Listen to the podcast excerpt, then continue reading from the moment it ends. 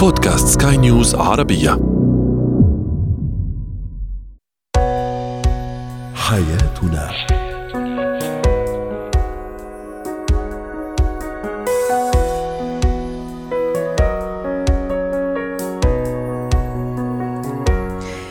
الكرام أهلا بكم معنا إلى حياتنا فضاؤكم اليومي الذي يعنى بشؤون الأسرة وباقي الشؤون الحياتية الأخرى والذي يمكنه أو يمكنكم الاستماع اليه عبر منصة سكاي نيوز عربيه dot com slash بودكاست وباقي منصات سكاي نيوز العربية الأخرى. شاركونا عبر رقم الواتساب 00971 561 6223 معي أنا آمال شابة. اليوم نتحدث عن كيفية التعامل مع الشريك إذ الذي لا يحب عائلة الطرف الآخر عائلة الزوج أو الزوجة. ما هي خطورة الاستهانة والاستهتار بمشاعر الطفل؟ وأخيرا أهمية ومهارة التخطيط وتأثيرها على أسلوب حياتنا. هو وهي. دائما نقولها ونكررها في فقرة هو وهي أن الارتباط والحياة الزوجية لا تعني الارتباط بين شخصين أو فردين لكن أيضا لها امتداد بين أسرة الشريك وأسرة الزوجة أو أسرة الزوجة أيضا اليوم. موضوعنا الشريك أو الزوج الذي لا يحب عائلة الزوجة أو الزوجة أيضا التي لا تحب عائلة الزوج. للحديث عن هذا الموضوع رحبوا معي بلانا أصأص الاستشارية النفسية والأسرية. سعد أوقاتك أستاذة لانا أهلا وسهلا فيك. أهلا وسهلا. أكيد الواحد ما يقدر يستغني عن عائلته عن أهله عن والده عن والدته. أكيد هذا الشيء هذا خط أحمر في الحقيقة. لكن اليوم أمام مشكلة قد نراها في بعض الأسر وفي بعض العلاقات الزوجية. عندما زوجي أو شريكي زوجي أو زوجتي لا تحب التعامل مع عائلتي عائلتي أنا كزوج أو زوجة رغم أنه عارفة أنه أنه هو جاي من هذا العائلة يعني متربي فيها لسنوات كثيرة أو هو عارف أنه هي أكيد تزوجها من لو طلبها من أهلها من أبوها من أمها من عائلتها.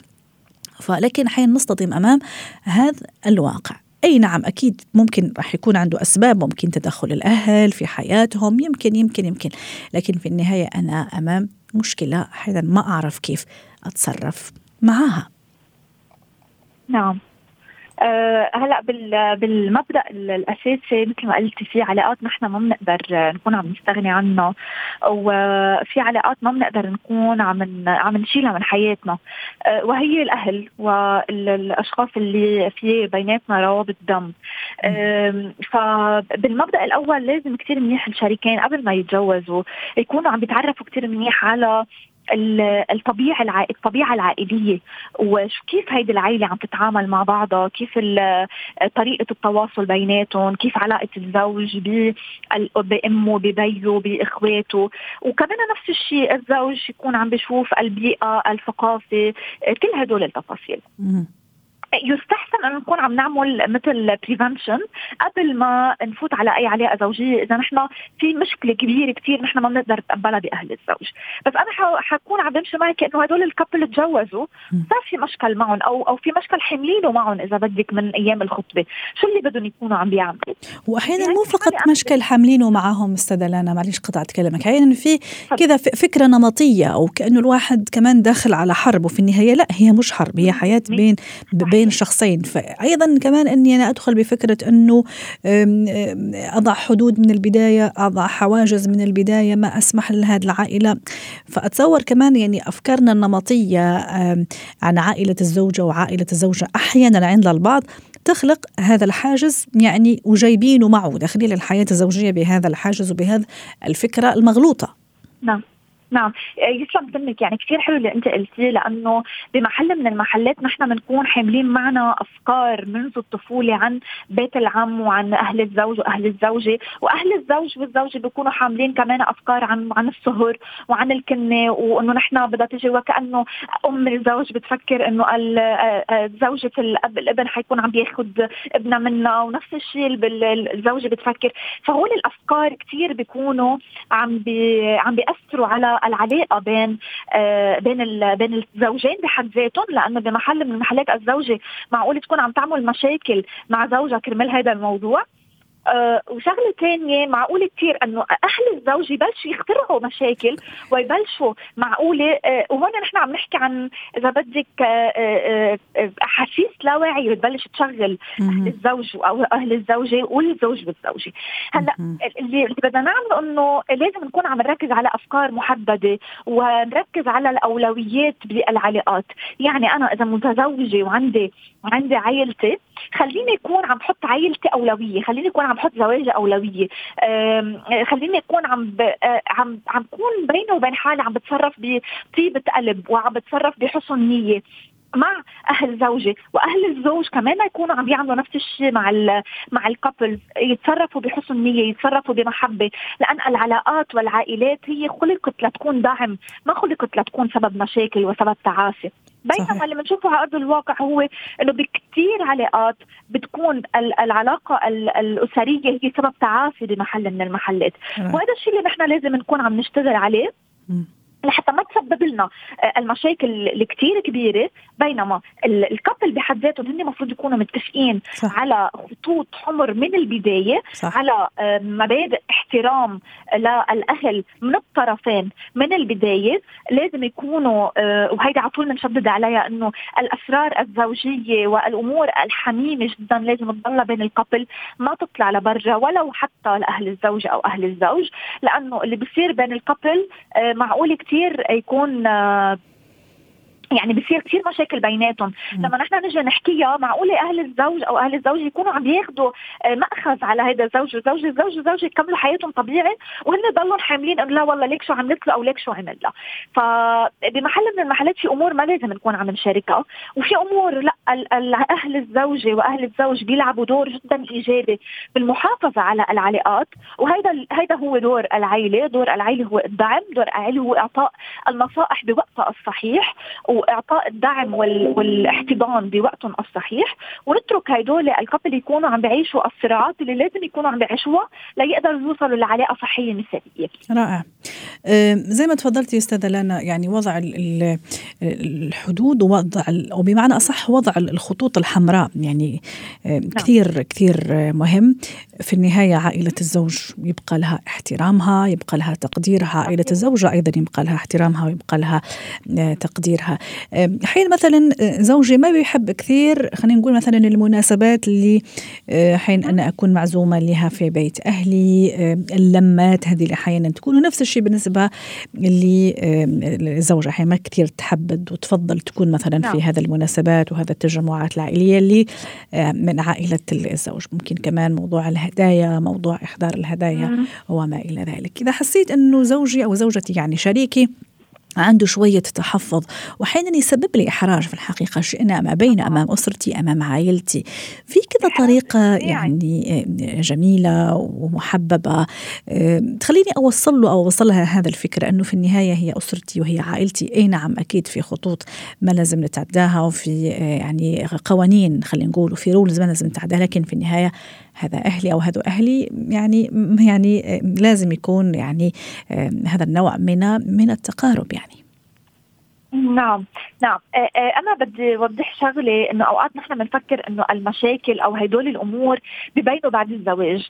وهذا الشيء جدا جدا جدا مغلوط لأنه هدول الأمور وعشان هيك كنت عم أقول لك بالبداية نحن من أيام الخطبة والتعارف لا يجب علينا انه نكون عم نشوف كيف تسري ديناميكية العائلة. مم. يعني أنا بدي أعرف كيف علاقته مع أمه كيف علاقته مع بيه كيف علاقتي أنا مع أمي. حط الخطوط الحمراء وهذا الشيء ببين قبل الزواج. مم. ما في يقول إنه أنا انصدمت فجأة هو ما بيجيب هدايا لأهلي. ما هو من الخطبة حيبين إلا إذا كان شخص آه، متغير يعني شخص تغير فجأة. هون ساعتها أنا لازم تكون عم بواجه بهذا الموضوع. واقول إنه أنت كنت عم تعمل واحد اثنين ثلاثة قبل شو اللي غيرك؟ خلينا أسمع وجهة نظره. يمكن في دقه مادية يمكن في آه، أولويات ثانية يمكن في أمور كثير معينة. وهون المرأة أو الرجل لازم يتدبر الأمور بطريقة ذكية بطريقة إنه يكونوا عم بيحافظوا على الاعتدال التعامل مع العائله اللي هي الزوج والزوجة وإذا في أولاد يكونوا عم بيحافظوا عليه ويحطوها هيدي أولوية ويكون عم بيعملوا مثل توازن بين علاقتي أنا مع أهلي لحتى ما أكون عم بعمل أي آه، مشاكل.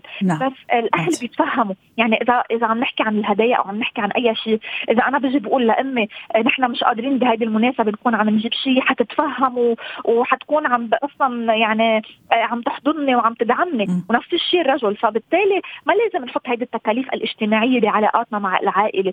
لأن برجع بكرر إنه عن جد العائلات نحن بأزماتنا وب بصراعاتنا وبأمراضنا وبكل الأحزان العائلة الوحيدة هي اللي بتوقف حدك ما حدا تاني بيوقف حدك.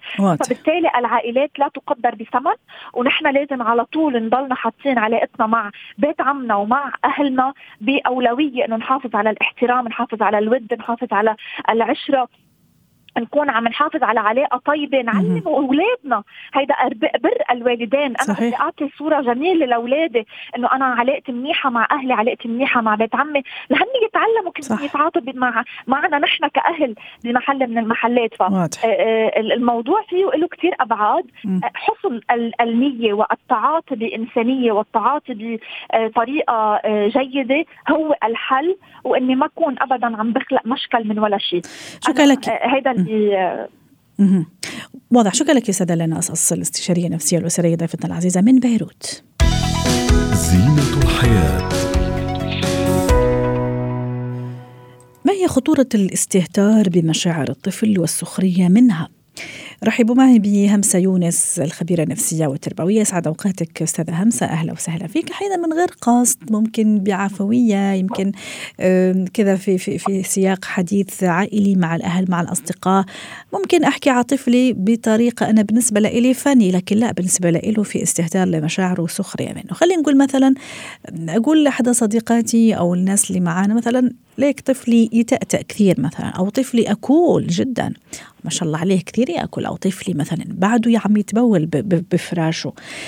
إلى درجة بكون أنا عم أجرحه لطفلي خاصة إنه الكلام على مرأى ومسمع الجميع. وما عملت اعتبار لمشاعره اللي بالنسبة لي هو طفل صغير ما رح يتأثر بالعكس رح يضحك زيه زينا. هذا طبعا بيعطي آه، آثار سلبية على المدى البعيد. نحن بسبب آه، الجهل أو عدم آه، استيعاب تأثير هذا الشيء فبنمارسه وبعدين بنقول أنا ما كان قصدي.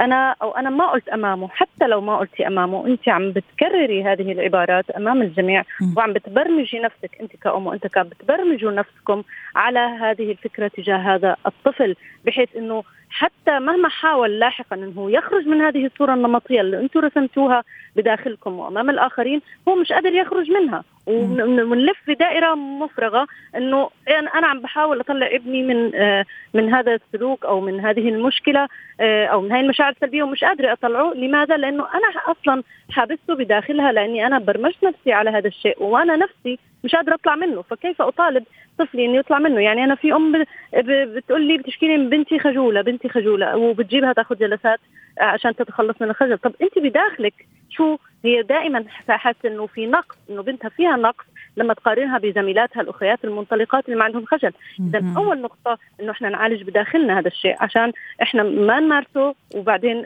آه، آه، يعني نحاول نصحح الآثار اللي تترتب عليه. صحيح ورائع موضوع المقارنة هذا كثير كثير يعني موضوع مهم أو نقطة مهمة وموضوع إنه كمان أنا أتقبل أول شيء المشكلة اللي عند ابني أصلا إذا في مشكلة وبعدين نحاول إن نعالجها.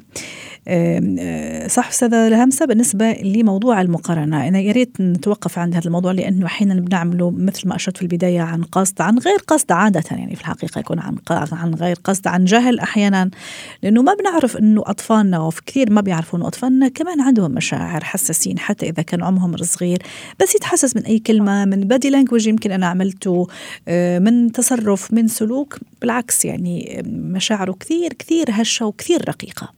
نعم. أحيانا مش بس عن عن غير قصد أو عن جهل أحيانا بيفعلوه عن قصد. وعن تعمد من باب إني أنا أشجع طفلي. فبالتالي إحنا بندمره بدل ما نشجعه أو إني من باب إني أخليه يتحمس ويغير فيقوم بنفس السلوك أو يصير أفضل ويعدل من نفسه لأنه هو لاني قارنته بشخص آخر أو بطفل آخر فهو حيغير فحيتحمس ويغير من نفسه. لا فعليا هو إما أنه حيشعر بالنقص والفشل والإحباط ويتراجع وإما أنه حيحاول ويحاول ويحاول وربما لا يصل إلى سقف توقعاتنا وبالتالي أيضا سيحبط وسيبدا يهاجمنا أنه إحنا عم نضغط عليه ونحاول نخليه يعمل شيء مش في قدراته أو مش ضمن إطار اهتماماته ونمط شخصيته. أيضا المقارنة بتخلي الطفل حاسس دائما إنه هو مش مصدر فخر وثقة لأهله. وبالتالي مثل ما تفضلتي إحنا حتى مجرد تعليقاتنا آه، أحيانا البسيطة آه، بنزود هذا الشعور عند آه، الطفل وينعكس على سلوكياته فجأة نلاقيه بيعاندنا فجأة ممكن نلاقيه منسحب ما بده يختلط مع بقية الأهل أو الأصدقاء ونبدأ يعني نعصب عليه لأنه بيمارس هذه السلوكيات وإحنا مش فاهمين إنه إحنا اللي دفعناه. إحنا مجرد نضحك شوفي حتى مش إحنا بس إخوته في البيت إحنا لما نراقب سلوكياتنا وسلوكيات الأفراد كل واحد يحترم مشاعر الآخر في البيت مهما صغر أو كبر سنه. آه هذا بيساعدنا على احترام مشاعر الآخرين. لما أنا آه, آه، حتى أراقب طفلي مثلا أخوه الأكبر ضحك عليه في موقف معين. أنا فورا أخذ موقف. فورا فورا أطالبه لا مش مقبول إنك تضحك على أخوك. أمام أخوه. أمام أخوه. لازم يفهم إنه هو في حدود وفي احترام لمشاعر آه الآخرين. لماذا يجب أن أحترم مشاعر طفلي عشان هو يتعلم يحترم مشاعره ويضع حدود للآخرين إنهم ما يتطاولوا عليها. رائع. يعني إذا إذا ما احترمت مشاعره ما حعلمه شو يعني مشاعر وحدود إنه هو يضع حدود للآخرين. شكرا لك يا سيدة همسة يونس الخبيرة النفسية والتربوية ضيفتنا العزيزة وأتمنى لك أوقات سعيدة. مهارات تخطط لحياتك أو هل أنت من الأشخاص الذين يخططون لحياتهم أم يتركونها للصدفة؟ هذا هو موضوعنا وسؤالنا التفاعلي أيضا للحديث عن أهمية التخطيط في الحياة وكيف يؤثر هذا على حياتنا. رحبوا معي بفاتن سلامة مدربة مهارة حياة ضيفتنا العزيزة من القاهرة يسعد أوقاتك أستاذة فاتن أهلا وسهلا فيك اليوم معنا وعاش من سمع صوتك. هذا سؤالنا التفاعلي اليوم عن التخطيط دعيني أقرأ بعض تعليقات الساده المستمعين. تعليق يقول ما فيش حاجة اسمها صدفة. إحنا مؤمنين بالله والقضاء والقدر ونعم بالله. أكيد. لكن موضوع التخطيط هون إلى أي درجة أنت تخطط لحياتك آه، بتوازن أيضا بتعمل سلبيات وإيجابيات. آه، تعليق آخر يقول كمان لا وجود لصدفة كل شيء في الدنيا. مقدر. مروان التخطيط للحياة مهم جدا بعد التوكل على الله سبحانه وتعالى. آه هذا أيضا من بين التعليقات التي وصلتنا. وأخيرا تعليق يقول أتركها لمحض الصدفة. فاتن ماذا يعني أني أخطط لحياتي؟ يا مساء الخير عليكي وحشتيني جدا. الله يخليك. تسلمي. آه خلينا نبدأ بسرعة ونقول اجول without is just a wish. يعني أي هدف أو أي حاجة في راسي أنا عايزه أعملها من غير ما أحط لها خطة هي مجرد أمنية أو هي مجرد آه بس فكرة في في في راسي. كل حاجة بأمر ربنا سبحانه وتعالى. ما فيش حاجة من غير تقدير ربنا وما فيش حاجة من غير القدر. ولكن إحنا في الحياة علشان خاطر يكون عندنا أهداف معينة. آه كنا اتكلمنا يمكن في آخر لقاء عن موضوع الخمسة ثلاثة خمسة اللي هو حتى يومي البسيط ممكن أرتبه. صح. فكرة الخمسة ثلاثة خمسة لما أصحى الصبح وأقول أنا هعمل واحد اثنين ثلاثة يعني عندي خطة لليوم في خمس دقائق وأجي في نص اليوم في ثلاث دقائق أشوف إيه الدنيا ماشية إزاي أنا فين رحت الشغل كلمت ولادي وصلت وصلت ولادي حضرت حاجتي اللي أنا عايز أعملها في البيت وآخر اليوم في الخمسة الأخرى في اليوم هشوف هو إيه اللي ضيع الوقت؟ هو أنا ليه في حاجة حطيتها وما قدرتش أعملها؟ ال plan نفسه إن أنا الخمسة ثلاثة خمسة دي بستخدمها عشان أعمل personal development للأشخاص. إن أنا أقدر أنمي عندهم مثلا تنظيم الوقت تحديد مثلا آه، الوصول لهدف معين تنظيم الأفكار. أي حاجة من غير plan من غير ما أخطط لها بتكون عشوائية والعشوائية تقتل الهويه الهوية يعني هويتي أنا يعني ال personality بتاعتي. يعني أنا أكون ماشي في الحياة كده I'm troubleshooting أنا بمشي آه إحنا إحنا كلنا قدريين ولكن مم. لما أنا أحط plan واضحة لحياتي يكون عندي طبعا آخر لقاء كان عندي من فترة مع مع إحدى القنوات كنا بنتكلم عن الأخبار وال وال والأخبار السيئة وإزاي هي بتؤثر علينا وبتخلينا ما نحطش plan ما قلناش نحط بلان ل 10 15 سنة قلنا نحط short term plans على الأقل أنا عايز أعمل إيه الأسبوع ده؟ أنا عايز أعمل إيه الشهر ده؟ إيه اللي أنا عايزة اوصل له آه، حتى في شغلي في ال quarter اللي أنا فيه وابدأ أحط لها plan رغم هيك معلش يا فاتن بتعرفي في أشخاص يا ريت كمان نحكي عليهم شوي أو يعني كيف هذا التخطيط يكون عندهم؟ بالعكس يخططوا على مدى بعيد وأكثر من بعيد حتى. let's مثلا يقول لك أنا في عمر 30 راح أكون أشتغل في المحل الفلاني. في عمر ال 35 أكون أنا كونت أسرة. في عمر 36 يكون أنا عندي baby طبعا يعني بقدرة الله. أكيد طبعا أكيد هذا ما ينفي موضوع القضاء والقدر وأكيد هذا شيء مفروغ منه. لكن هذا الأشخاص اللي فعلا بيخططوا بيعملوا هذا هذا الخطة على مدى بعيد مش حتى متوسط ولا قريب. أمال أنا أنا هقول لك على موضوع هي بتختلف على البوتنشال بتاع الشخص نفسه. في شخص بيكون يقدر يحط خطة على مدى طويل ويكون شايفة إن هو قادر يعملها صح. لكن الخطة اللي على مدى طويل دي انت مش هتقدري توصلي لها غير لما تعملي الحاجة اللي إحنا بنقولها ال baby steps اللي هي خطوات الطفل. وإن انت كمان لما تعمليها تحت يعني ت celebrate إن انت عملتي ده إن انت تحفزي نفسك عشان تقدري توصلي لهدف بعيد المدى إن انت تعملي هدف قصير المدى وتحطي له الخطة بتاعته تشوفي مين الأشخاص اللي ممكن تساعدك إن انت توصلي للهدف ده تحطي لها timeline معين لكن إن أنا مثلا إن أنا أبدأ آه لأ خلاص أنا هروح الشغل وأرجع من الشغل وبعدين؟ إيه اللي إيه اللي بعد كده. وبعد حتى لما بنقول مثلا الأهداف طويلة المدى وان أنا مثلا على سن كذا يكون عندي كذا وعلى سن كذا يكون عندي كذا. في ناس كتير بتقول لك كل حاجة بإيد ربنا ما كل حاجة بإيد ربنا ولكن الشيء الثابت الوحيد في العالم هو التغيير. أنت ممكن عادي جدا تكون حاطط خطة لنفسك وظروف معينة حصلت صح. فأنت بتغير الخطة. مفيش أي مشكلة أيوه. الخطة. وعلى سيرة الظروف يا فاتن كمان أتصور تخطيط يعني لحياتنا ليومياتنا وزي ما تفضلتي للمستوى للمدى الطويل والمتوسط والقريب أكيد راح يكون يخلينا مستعدين لمواجهة العقبات أو يعني وضع يعني شو ممكن تواجهنا عقبات وبالتالي وضع مخطط آخر plan B plan C مثلا. هو ده التخطيط بيخ... لما أنا أحط حاجة قدامي في التخطيط وأحط ال best case scenario أنا ده أحسن حاجة ممكن تحصل. وال worst case scenario ده اسوء حاجة ممكن تحصل. وأكون أنا متوقعة ده فأنا بكون مهيئة نفسيا إن خطتي اللي أنا بسعى ليها دلوقتي دي ممكن قد قد يصيبها النجاح وده في إيد ربنا وقد يصيبها الفشل وده في إيد ربنا وكله يعني يعني كل يعني دايما أنا أنا من أنا من مدرسة إن أنا أسعى ومش مهم النتيجة. النتيجة دي بإيد ربنا سبحانه وتعالى. آه فيكتور فرانكل وده عالم آه عالم نفس نمساوي مشهور جدا كان عمل مدرسة اسمها logotherapy وهي إن إحنا نعيش بهدف. حاجة اسمها إن أنت إحنا عايشين عشان هدف معين. لو إحنا عرفنا الهدف اللي إحنا عايشين عشانه لو إحنا عرفنا زي ما انت ما قلتي على سن كذا يكون عندي كذا على سن كذا يكون عندي كذا. وده يكون مكتوب والهدف بتاعي يكون مكتوب والخطة بتاعتي تكون planned نرجع تاني لموضوع الفقرة تكون بلاند هيكون عندي سهولة في التحقيق وهيكون عندي سهولة في بالإيمان بنفسي إن أنا ربنا سبحانه وتعالى خلقني لهدف معين. إحنا ربنا خلقنا كل واحد فينا خلقه لرسالة وخلقه لهدف معين. مش خلاني إن أنا أبقى قدرية وأبقى كله في ايد ما هو كله في إيد ربنا. ما هو أكيد كله في إيد ربنا بس أنا لازم أسعى لازم أعمل حاجة.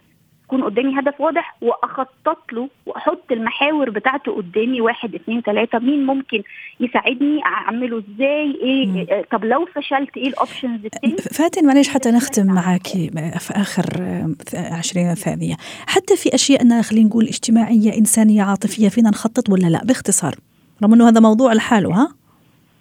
هو انت بتخططي لنفسك. مم. يعني يعني إزاي؟ يعني بتخططي مثلا في ناس كتير يمكن انت كنت تستضيفي دايما coach رزان و coach رزان دايما بتتكلم عن ال emotional intelligence عن الذكاء العاطفي مثلا. في, في, في علاقاتنا أخطط لنفسي أنا إن أنا أكون شخص عنده مرونة شخص يكون عنده تقبل شخص يكون عنده التقبل إن أنا مثلا قد يخذلني شخص قد آه. رائع. يعني إن أنا يكون عندي توقعات في شخص معين ده كمان تخطيط تخطيط إن أنا يكون عندي صح. آه قوة في شخصيتي يكون عندي صلابة يكون عندي مرونة في شخصيتي ده كمان تخطيط في حياتي واضح ممكن هذا رح نخلي نفرد له كمان حلقة لأنه كثير مهم فاتن اللي عم نحكي شكرا لك فاتن سلمة مدربات مهارات حياة ضيفتنا من القاهرة حياتنا. ختام حلقة اليوم من حياتنا. شكرا لكم وإلى اللقاء.